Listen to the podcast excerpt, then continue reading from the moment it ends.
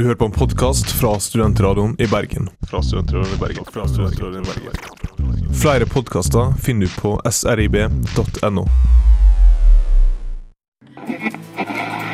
Наше сотрудничество в сфере энергетики с Казахстаном носит à la longueur du dialogue que je viens d'avoir avec M. Poutine. Die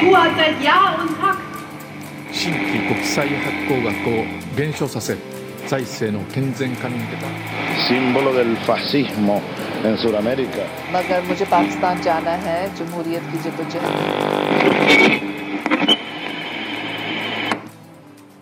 Om du trodde spionasje og etterretning bare var noe man forbandt med barske og mystiske agenter, må du tro igjen. Du hører på Utenriksmagasinet MIR, som i dag fokuserer på noe så spennende som etterretning og spionasje. Her i studio så sitter jeg, Nina Kvello, sammen med Andreas Rooney, som vi har vært så heldige å ha med oss denne uka på utveksling. Ja, jeg anser meg selv å være en slags eh, ekspert, eller konnissør, i, eh, i agentenes verden. Så det var et privilegium å få komme, og jeg håper jeg kan eh, opplyse mangt og mange på denne korte timen vår. Ja, det tviler vi ikke på. Vi i MIR er veldig glad for å ha med her i dag. Men spinasje er kanskje noe mange kun forbinder med James Bond. Men etter annen verdenskrig så utgjorde spionasje og etterretning selve kjernen i den kalde krigen. Da var det etterretningsvesenene som var eh, skal vi si, de primære krigførende i den kalde krigen. I dag så er temaet fremdeles brennet da lekkasjer av sensitiv informasjon skaper splid mellom myndigheter og dem som ønsker større åpenhet. For de som er tilhengere av, av den type åpenhet, altså sette åpenhet foran alt annet, så fremstår jo Manning som, som en helt. Supermakten i USA påstår de har rett til å drepe. It will not end until every terrorist group of global reach has been found, stopped and defeated. Og til sist så skal vi få en kronikk som går spionyrket nærmere i sømmene. Jommen hadde det vært herlig å stille i smoking og spille rulett og komme med lite subtile hentydninger til den enøyde skurkens russiske kone. Men først så skal du få en låt her på Studentradioen i Bergen.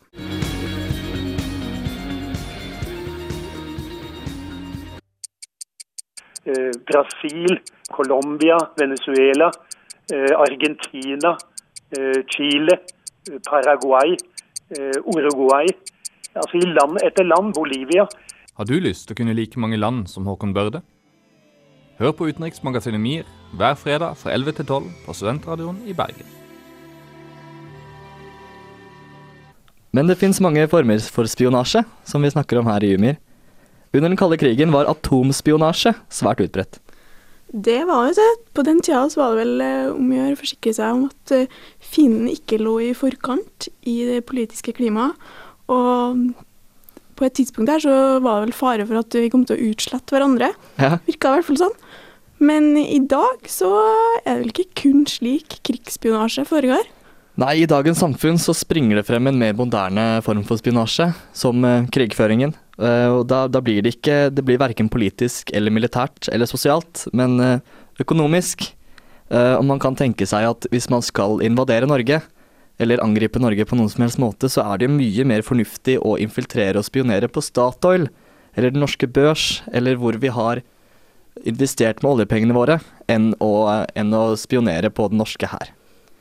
Og det er jo ikke så rent få steder vi har investert de oljepengene. Så om noen er ute etter eh, økonomisk makt, så er det bare å infiltrere den norske Ikke inviter til infiltrasjon. Det må vi ikke ha nå. Nei, det kan vi kanskje ikke gjøre. Nei. Men sånn Det hadde vært lurt. Ja, det hadde det. Spionasje før og nå foregår altså ikke nødvendigvis på samme måte som før. Eh, Og I den forbindelse så har vår medarbeider Magnus Bergøy tatt en prat med Kjell Inge Bjerga, som forsker på sivil-militære relasjoner ved Instituttet for forsvarsstudier om etterretning før og nå.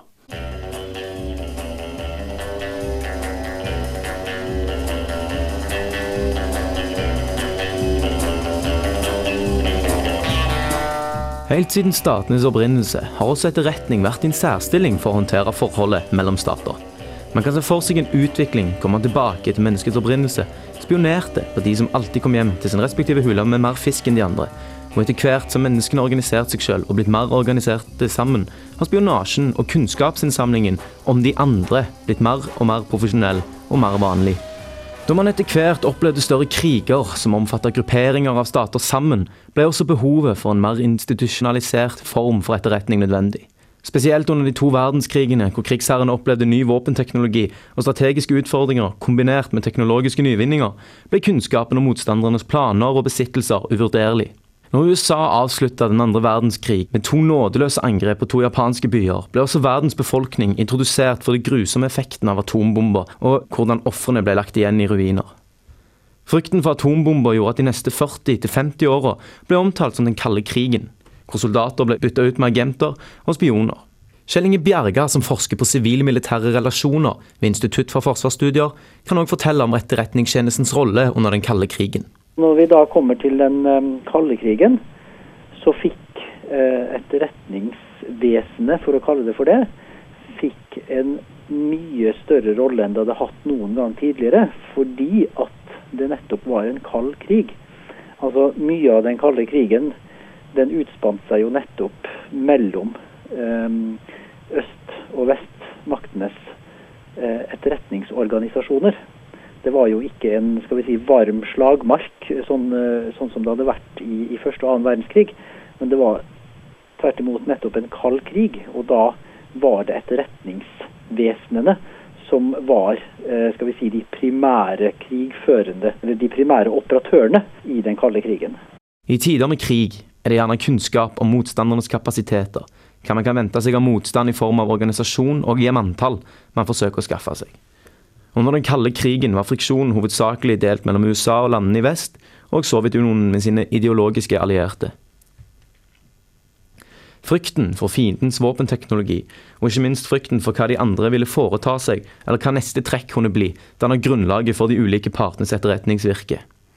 Alle frykta at et angrep var under opprulling, og detaljert og teknisk kunnskap ble etter hvert nødvendig. Men hva ble kunnskapen brukt til? Kunne etterretningen, spionasjen og kunnskapen partene tilegna seg, gjøre krigen varmere enn hva den var? På den ene siden så er det jo mange som hevder det. Eh, på den annen side så vil vel jeg si, og mange med meg sier, at etterretning tvert imot var med på å holde den kalde krigen kald. Fordi at man etter hvert visste så mye om hverandre, både i vest og i øst, at misforståelser kunne unngås, og at spenningen kunne holdes på et lavt nivå.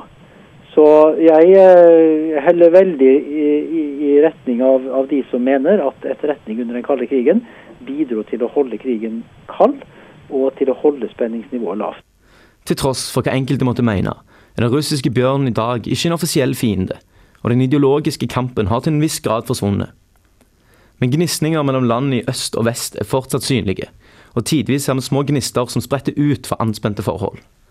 Bjerga står fast ved at etterretningen spiller en like stor rolle i dag, for å unngå store konfrontasjoner mellom stater med mye makt og høy våpenkapasitet, selv om vi ikke hører så mye om agenter og spioner ute på feltarbeid. Men hva har så endra seg siden den kalde krigen på etterretningsfronten? Det er en forskjell i hva som er hovedoppmerksomheten hos eh, etterretningsorganisasjonene under den kalde krigen og etter den kalde krigen. Og det er at under den kalde krigen så var fokuset på det som kalles for strategisk etterretning. Etterretningsorganisasjonene var veldig opptatt av motpartens politisk-strategiske tenkning. Altså det, det, store bildet. Og det hadde jo med dynamikken i den kalde krigen å gjøre. Altså hva er motpartens neste storstrategiske trekk? Hva skal vi ha av mottrekk når det trekket kommer.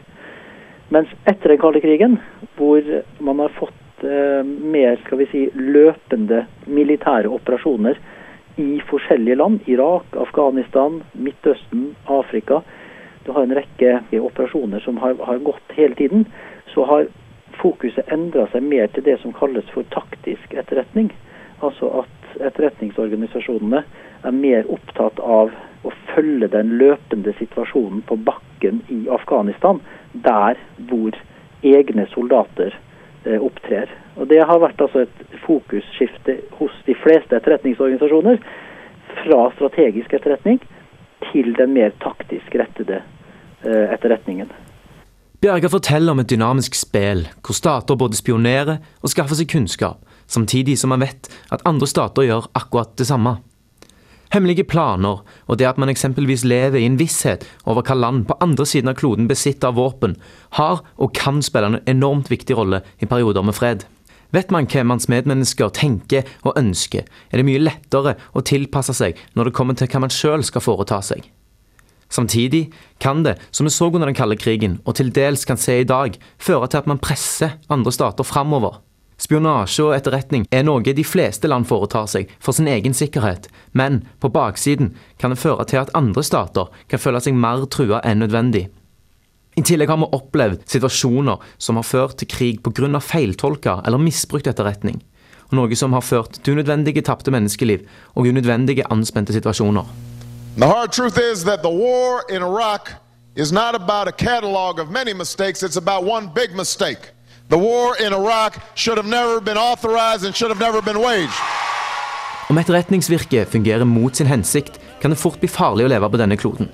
Men vi har heldigvis opplevd unngåtte kriser, og kanskje takket være god etterretning, har vi fortsatt det gode å oppleve at kald krigføring har ført til full katastrofe.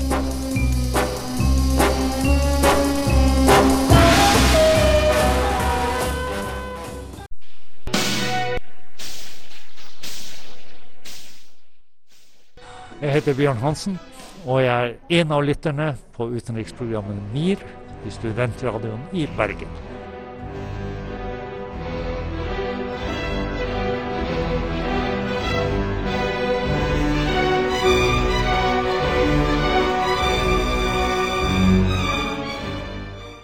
Som vi gjør så har spiontidene åpenbart forandra seg. Eh, Nå skal du få en låt her hos oss. Fantastiske Muse med 'Map of the Problematic'.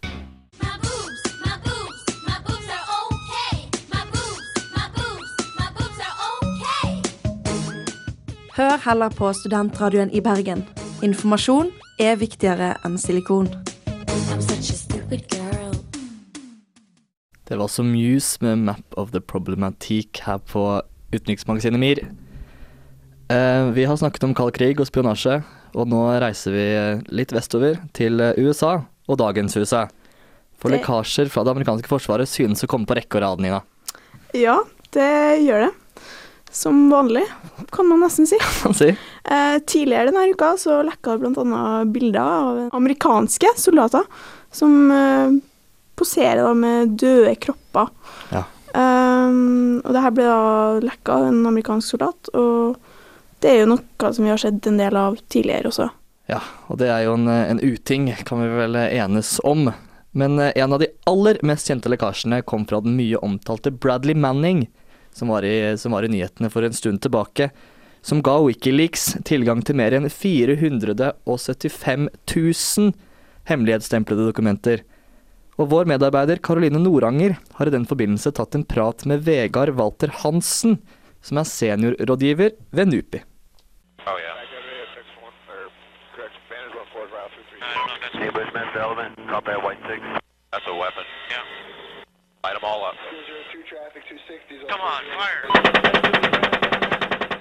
Her hører du skuddene fra et amerikansk helikopterangrep utført i Irak i 2007. Grunnen til at du kan høre angrepet som drepte et titalls sivile, er tidligere visekorporal i det amerikanske forsvaret Bradley Manning.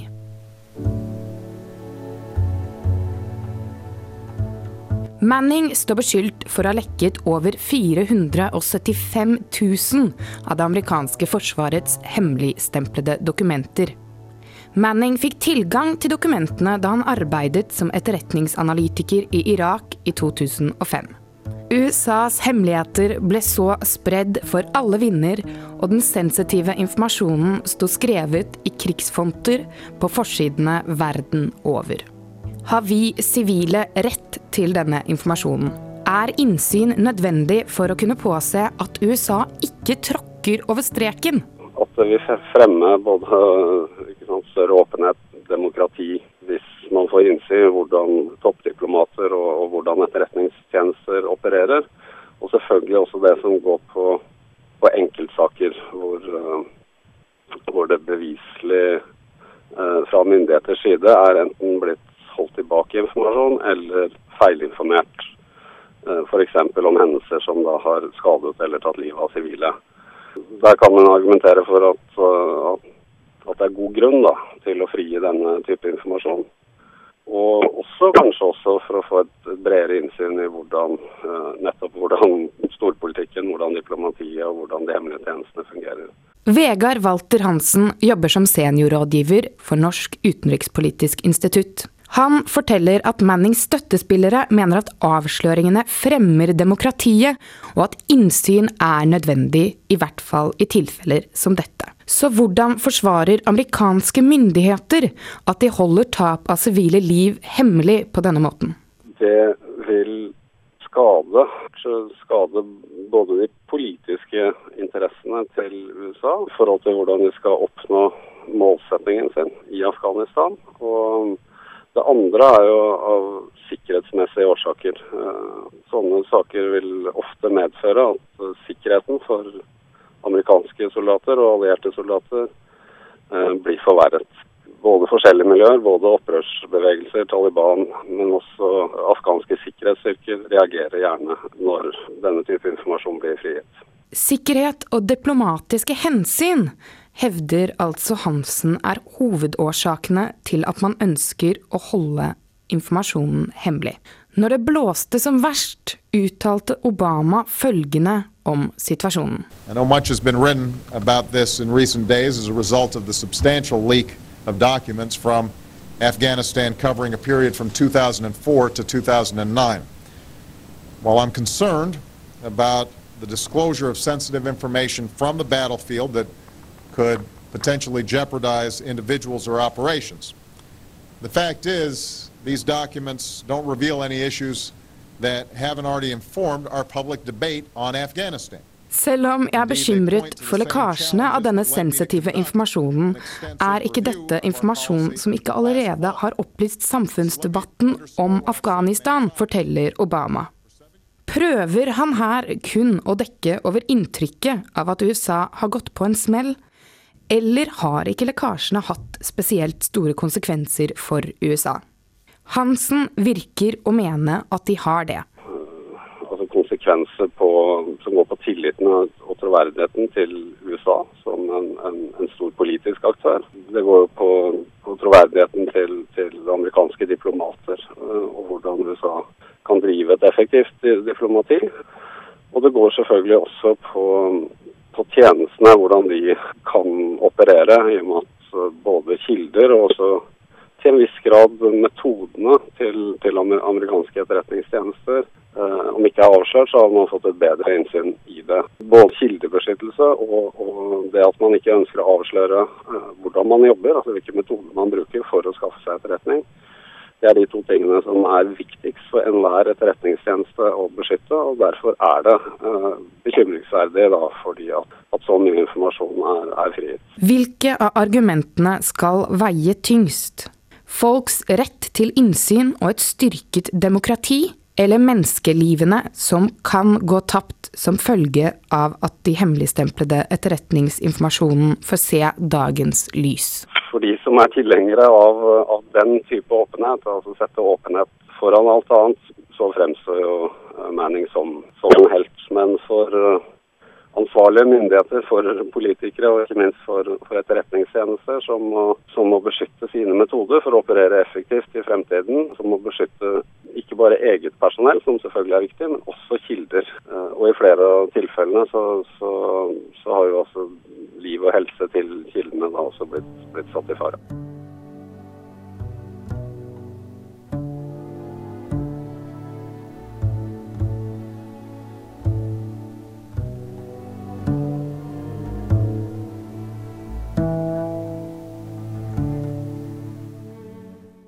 Der hørte du altså vår medarbeider Karoline Noranger om Bradley Manning og etterretningslekkasjer.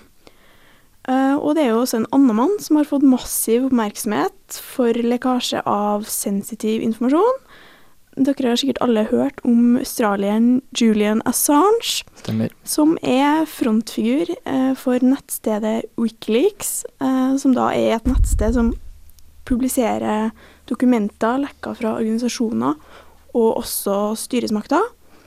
Og mm, det har vært særlig da, omtalt i forbindelse med diverse lekkasjer om krigen i Afghanistan, og også De har også publisert sånn utdrag av USAs diplomatkorrespondanse, som selvfølgelig ikke har falt i så god jord Nei, i USA. så Assange er jo ikke populær der borte. Og i akkurat den forbindelse uttalte jo USAs utenriksminister Hillary Clinton at lekkasjene var et angrep på landets utenrikspolitikk. Men dette kan ses på som et såkalt angrep, som skader USAs omdømme på samme måte som Mannings lekkasjer, som ble slått svært hardt ned på av myndighetene. Eh, selv om det kan ses ut som det er på en måte to sider av samme sak, så det som først og fremst skiller Manning og personer, eller nettsteder f.eks., som Wikileaks, det er jo at Manning han var jo en etterretningsoffiser i det amerikanske forsvaret, og dermed så var han jo underlagt taushetsplikt. Mm. Så han brøt jo loven når han uh, lekka eller publiserte denne uh, informasjonen. Ja. Mens Wikileaks er jo en organisasjon som baserer seg på informasjon de får gjort tilgjeng tilgjengelig, og de må jo selv ta risikoen om Eller vurdere fortløpende hvilken risiko det fører med seg å publis publisere det de gjør. Eh, og også Manning Han brøt jo som sagt loven, eh, men likevel så er han jo en helt for dem som vil ha større åpenhet rundt slik informasjon. Ja, det er rart hvem som eh, blir helter og skurker i folks hoder. Så, så det er litt ulike tilfeller, akkurat Assange og Manning, altså. Men de har vel for så vidt samme mål, og det er jo global åpenhet. Det har de. Som de snakket om i Sovjetunionen mot slutten. Men eh, nå skal dere høre på en låt her på Studentradioen Bergen. I utenriksmagasinet MIR denne uken har vi fokus på etterretning og spionasje, eller hva sier du, Nina? Det har vi, vet du. Eh, For å plukke opp tråden litt fra Karoline sitt innslag, som fokuserte litt på USA, så skal vi nå gå over til litt hvordan eh, den supermakten her bruker antiterror og krigen mot terror for å legitimere brudd på menneskerettighetene. Vi mener dette her er noe som må belyses, og det har vår medarbeider Katrine Lunde gjort, og sett på USAs eh, det de kaller rett til å drepe.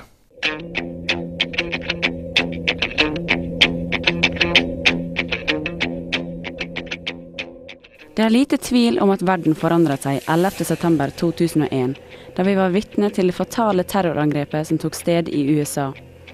Det man bare trodde skjedde på film, var plutselig en smertelig virkelighet. Hele verden var i sjokk og følte med USA i deres smerte. Det var derfor få personer som protesterte da Bush erklærte sin krig mot terror, bare dager etter angrepet. Our war on terror begins with Al Qaeda, but it does not end there. It will not end until every terrorist group of global reach has been found, stopped, and defeated.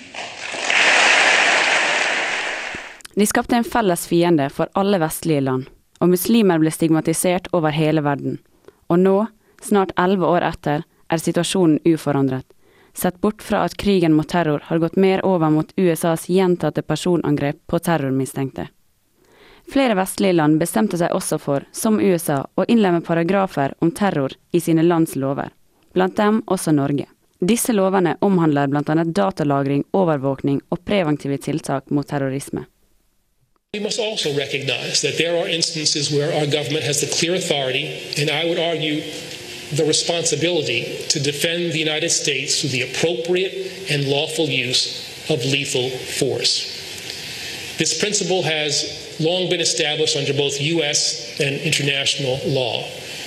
In response to the attacks perpetrated and the continuing threat posed by Al Qaeda, the Taliban, and associated forces, Congress has authorized the President to use all necessary and appropriate force against those groups. Because the United States is in an armed conflict, we are authorized to take action against enemy belligerents under international law. The Constitution empowers the president to protect the nation from any imminent threat of violent attack. And international law recognizes the inherent right of national self defense. None of this is changed by the fact that we are not in a conventional war. 5. mars i år gikk Attorney General, justisminister Erik Holder, ut og forsvarte USAs rett til å målrette og drepe amerikanske statsborgere utenfor USA sine grenser i krigen mot terror. Han forsvarte denne uttalelsen med at når slike mennesker utgjør en trussel mot USA og ikke kan fanges uskadet, må man iverksette tiltak for å stoppe dem. Han sier videre at de ikke kan sitte og vente på angrep, men at de må jobbe preventivt for å stanse terroristene. Etter 11. september ble det vedtatt i Kongressen at alle som deltok i terrorangrepet mot USA, skulle tas og settes til ansvar for sine handlinger. At all mulig makt kunne brukes for å finne disse personene. Fordi de kjemper mot en statsløs fiende, kan ikke angrepene konsentreres i Afghanistan.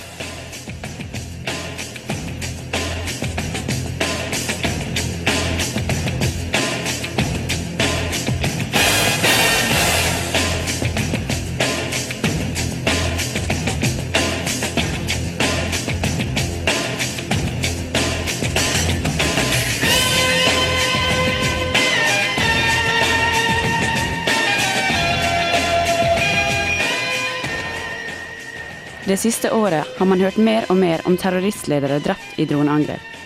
Nå sist var den amerikanskfødte Anwar al-Awlaki, som flere ganger har vært involvert i terrorplaner som har målrettet USA. I 2010 innlemmet president Obama han på CIA sin drepe- eller fangeliste.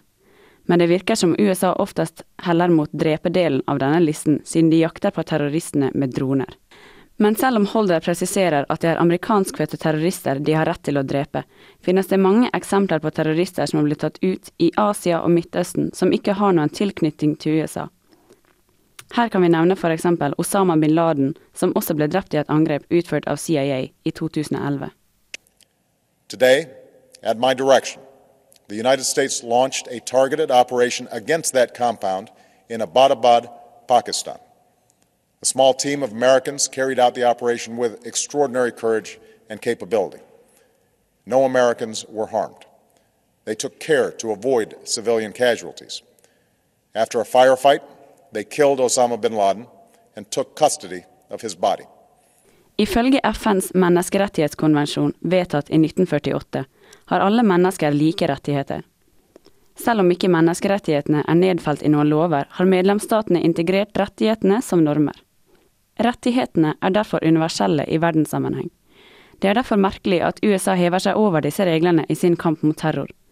Heller enn å jobbe for å fange de terrormistenkte og gi dem en rettssak, slik menneskerettighetene sier at alle har krav på, jakter de disse menneskene ned og henretter dem i droneangrep, ofte med tap av sivile liv i prosessen. Exactly really We describe human rights as those rights which apply to every single person, simply because he or she is a human being. They are innate. Human rights apply to every person in every part of the world, without exception. They are therefore universal. Istedenfor gjentatte angrep mot personer, burde USA kanskje revurdere sin politikk og prøve å finne en annen måte å ta disse menneskene på.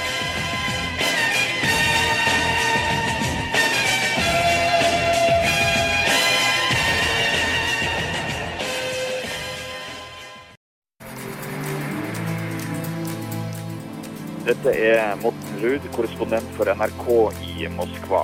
Og du hører på utenriksmagasinet MIR i studentradioen i Bergen.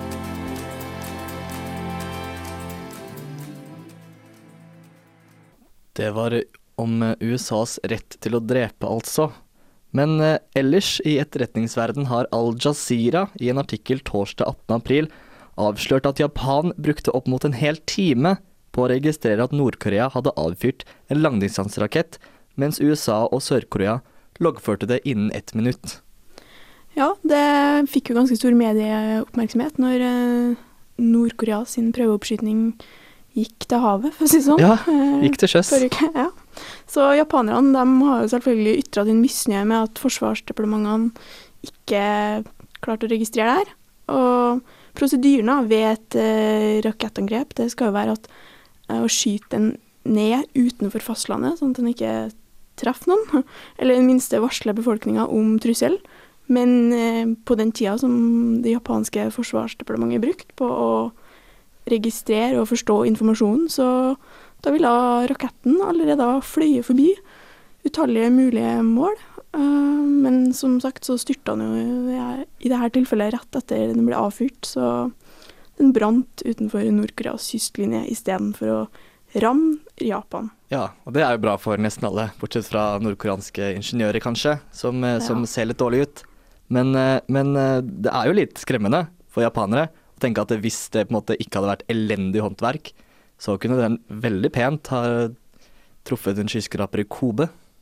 Ja, det er jo ganske dyktig gjort da, av USA å registrere det på ett minutt, i motsetning til japanerne sin time. Ja, ikke sant? For USA har jo veldig high-tech greier, og de sa faktisk fra til Japan med en gang de fant det, for de, for de deler eh, datainformasjonen. Men, men det tok altså så lang tid å krabbe opp byråkratiet til Japan at det, det var ikke snakk om at de kunne gjøre noe med det. Men eh, USA bruker jo veldig mye mer moderne overvåkningsmetoder enn Japan og mange andre land. Tydeligvis. Og, og de har jo byttet ut den hemmelige agenten vi så, vi så kjærlig snakket om i stad, med satellitter og radar. og og ved hjelp av omfattende bilder og varmesignaturer har jo stormaktene klart å kartlegge og analysere områder som vanligvis er langt utenfor deres rekkevidde. Ja, og som en av de etter hvert mest åpenbare og selvfølgelige konfliktene i verden, så blir jo gjensidig etterretning i Nord- og Sør-Korea relativt subtilt. Ehm, men det er utvilsomt ikke tilfellet i mindre publiserte konflikter. Nei, hvor det kan gå under, under radaren, for å si det sånn. Bokstavelig talt. Ja. Snart skal vi høre en kronikk fra, fra August Riise om hans inntrykk av spioner og spionasje. Men først skal vi spille litt mer musikk for dere her i Studentrådet i Bergen.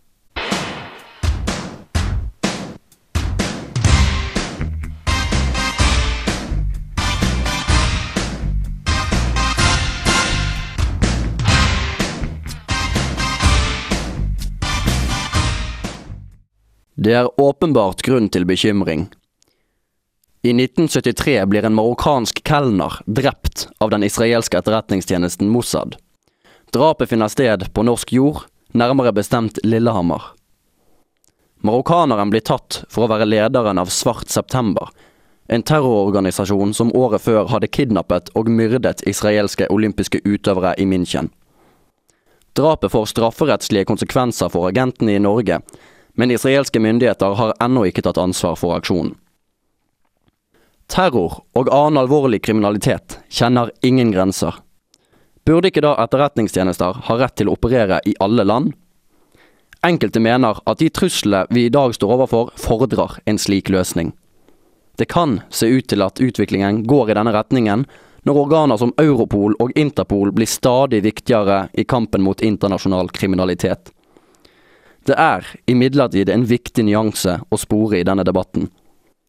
Samarbeidsorganer for politi er langt enklere å kontrollere enn etterretningstjenester. Internasjonalt politi er ikke underlagt en enkelt stat, men flere stater i samarbeid, noe som gjør hemmelighold umulig. Dessuten kan man i internasjonale politiorganer vurdere hvilke metoder som kan tolereres i fellesskap, mens man i enkeltstatlige etterretningstjenester kun styres av den enkelte stats interesser. Slik tilfellet var i den tragisk feilslåtte hevnaksjonen i Lillehammer i 1973. Det å sende hemmelige agenter til fremmede stater for å kverke tjuvrader og annet pakk, er blitt romantisert gjennom litteratur og film. Jommen hadde det vært herlig å stille i smoking og spille rulett og komme med lite subtile hentydninger til den enøyde skurkens russiske kone. Det hadde vært vidunderlig å kaldkvele drapsalbinoen og hindre den store solmaskinen fra å utslette jorden. Det ville vært utrolig tilfredsstillende å gi den sinnssyke gamle vaskekjerringen med dolk i skoen en enveisbillett til helvete. Det kjekke med disse historiene er at det nærmest ikke spiller noen rolle hvor handlingen finner sted. For de hemmelige agentene de driter i landegrenser. De finner frem et passende pass, gjemmer våpenet i det hemmelige rommet i kofferten, de løper av gårde og lirer av seg replikker på syv ulike språk. Uansett om de finner seg på en suspekt klinikk på Cuba, i et islott på Island eller på et sirkus i Øst-Tyskland, har de retten til å drepe på sin side. Men blir de tatt til fange, er det ingen som vil vedkjenne seg dem. Den hemmelige agenten er essensen av The Lonely Wolf. Det er derfor man vet at idet James Bond gifter seg, er det fare på ferde. Det ekteskapet varer antagelig ikke ut dagen engang. Og ganske riktig, konemor blir kassert av noen tykke menn i en liten bil. Det er viktig å skille mellom virkelighet og fiksjon. Om du jobber for den engelske regjering, er det litt blåøyd å anta at du kjemper for alt som er godt. Om du ser klassikeren Golden Eye, ser du James Bond jevne en by med jorden i stridsvogn. Samarbeidsorganer for politi besitter neppe den samme slagkraften, men man slipper i alle fall å overlate menneskeskjebner til agenter for stater som kjører sin egen hevnaksjon, slik tilfellet var i 1973. Kunne vi jo enes om rettslige prinsipper og korrekte prosedyrer, kan et internasjonalt politi fungere. Man kan i virkeligheten dessverre ikke stole på enkeltaktørers gode vilje.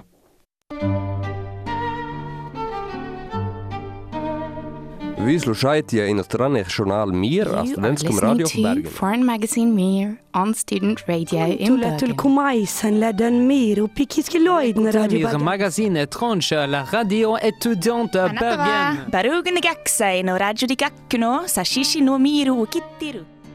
Utenriksmagasinet MIR snakker alle språk. Hver fredag fra 11 til 12 på Studentradioen i Bergen. Der hørte vi altså August Riise sine refleksjoner rundt spionlivet. Og vi MIR har en ganske sterk mistanke om at eh, han drømmer om et liv som James Bond. Virker i hvert fall slik. Eh, det er en drøm du kan si å dele, Andreas? Um, ja, når jeg sa innledningsvis at jeg var en, en kondisør eller kjenner av spionlivet, så, så har jeg ikke noe å peke til annet, annet enn at jeg har sett uh, samtlige James Bond-filmer. uh, la oss være sjenerøse og si 15 ganger der. Ja, så det, Så, ja. det er noe som ligger ditt hjerte nærme, Det, det ligger veldig nærme. Uh, på andreplass etter, uh, etter jobben som radiovert her i Studentrådet Bergen og i utenriksmagasinet MIR. Å, det var hyggelig å høre. Og med det, med den fine utrotalen til Andreas, så er vi kommet til veis ende her i dagens sending. Vi har tatt for oss det spennende temaet etterretning og spionasje, og har bl.a.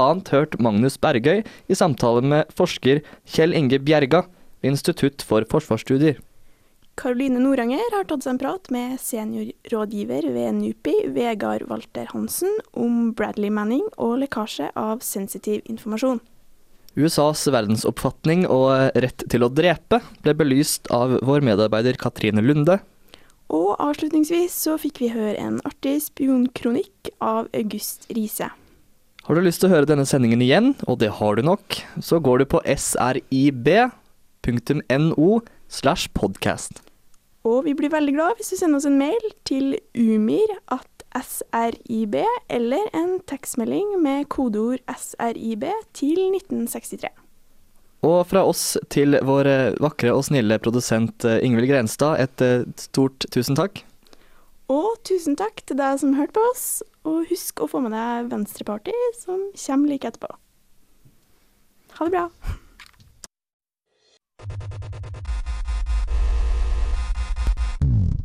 Du hører på en podkast fra Studentradioen i Bergen. Fra Studentradioen i Bergen. Fra Studentradioen i Bergen. Flere podkaster finner du på srib.no.